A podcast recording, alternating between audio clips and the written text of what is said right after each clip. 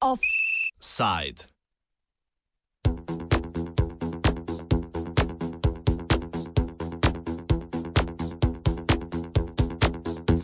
Z emo je bolje.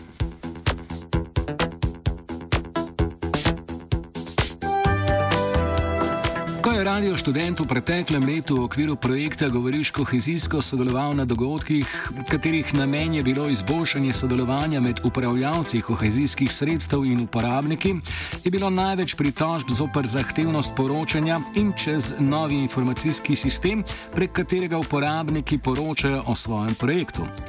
Sistem pogosto ni deloval, zaradi zamud, ki so nastale, pa je Sloveniji nekaj časa celo grozilo, da bo izgubila skoraj 200 milijonov evrov.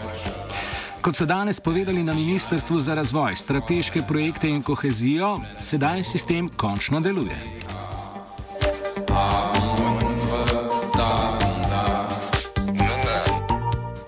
Poleti je v zvezi s prepočasnim izkoriščanjem kohezijskih sredstev začetka aktualne finančne perspektive v Ljubljano iz Bruslja prišlo opozorilo, da Slovenija lahko trajno izgubi 183 milijonov evrov evropskih sredstev.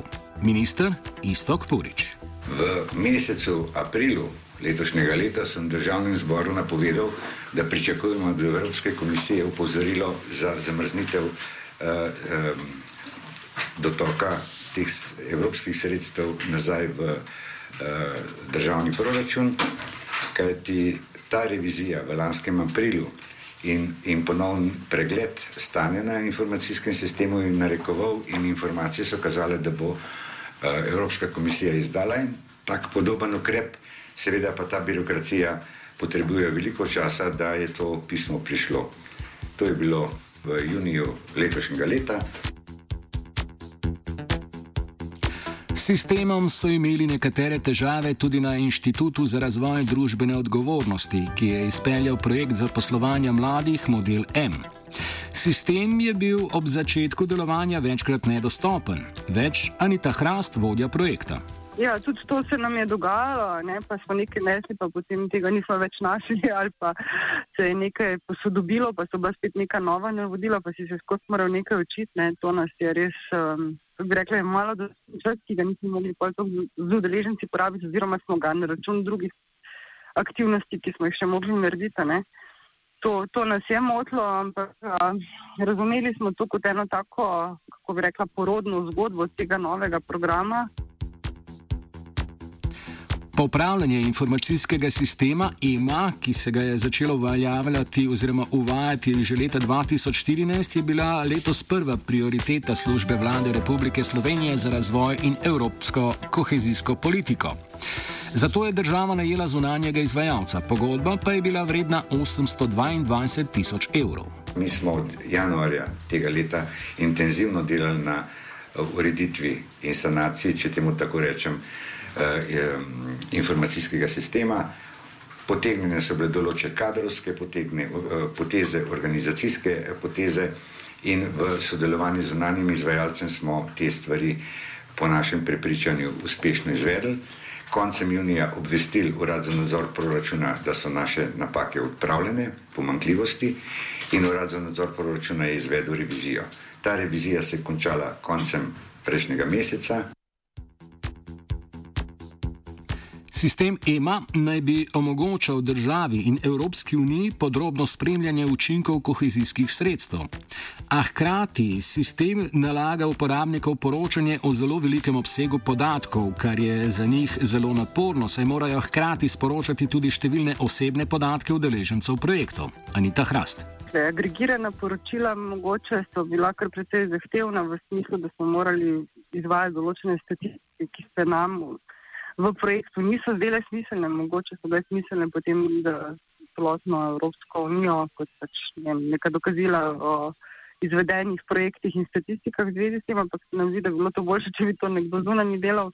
Težava med osebno no, se je pa, pač dela še tudi ta, ne, da smo v projektu morali veliko osebnih podatkov in pooblastilo od odležencev projekta pridobiti in me se je še zgodila ta zakonodaja za GDPR.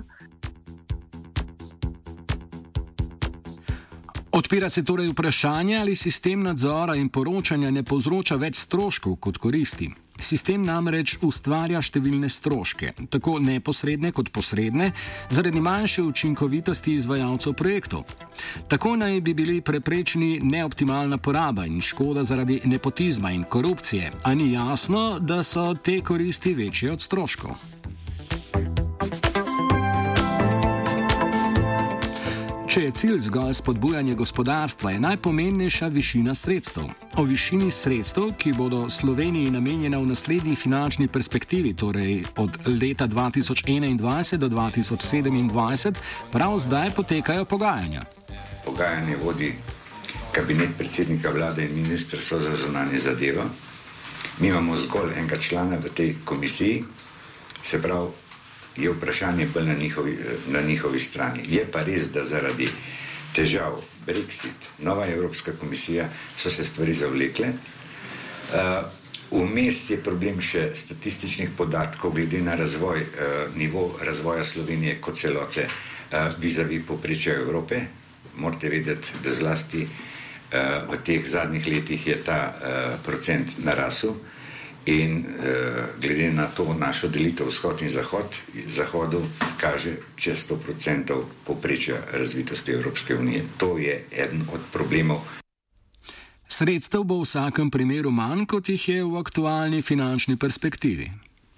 Sredstev v prvi fazi v lanskem letu bi tam nek minus 9%, kaj bo pa v prihodnje, pa težko reči. Znesek bo določen takrat, ko ga bo Evropska komisija potrdila. Uh, vse skupaj je zastalo, v lanskem letu sem vam rekel, je bil že ta znesek definiran. Uh, je, čas je potekel, vmes je Brexit in tukaj zna biti uh, lahko tudi znesek nižji. Tako da to je samo špekulacija. Počakajmo, novembra začne nova komisija, v času predsedovanja Finske, verjetno ta dogovor bo težko sklenjen, potem je na vrsti Hrvaška. Uh, in za njo pride Nemčija. Znižanje skupnih kohezijskih sredstev za posamezno državo je omejeno na 24 odstotkov. Trenutno kaže, da se bodo skupna sredstva za Slovenijo zmanjšala za okoli 9 odstotkov, kar je manj od povprečnega znižanja sredstev za 10 do 11 odstotkov.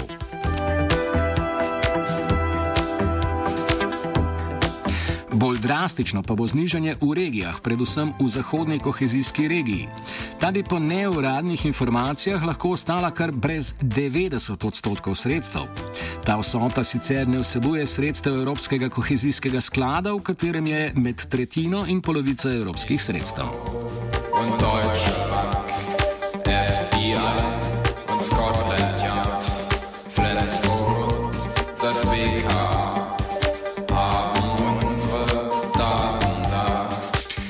Offside je pripravil Gal.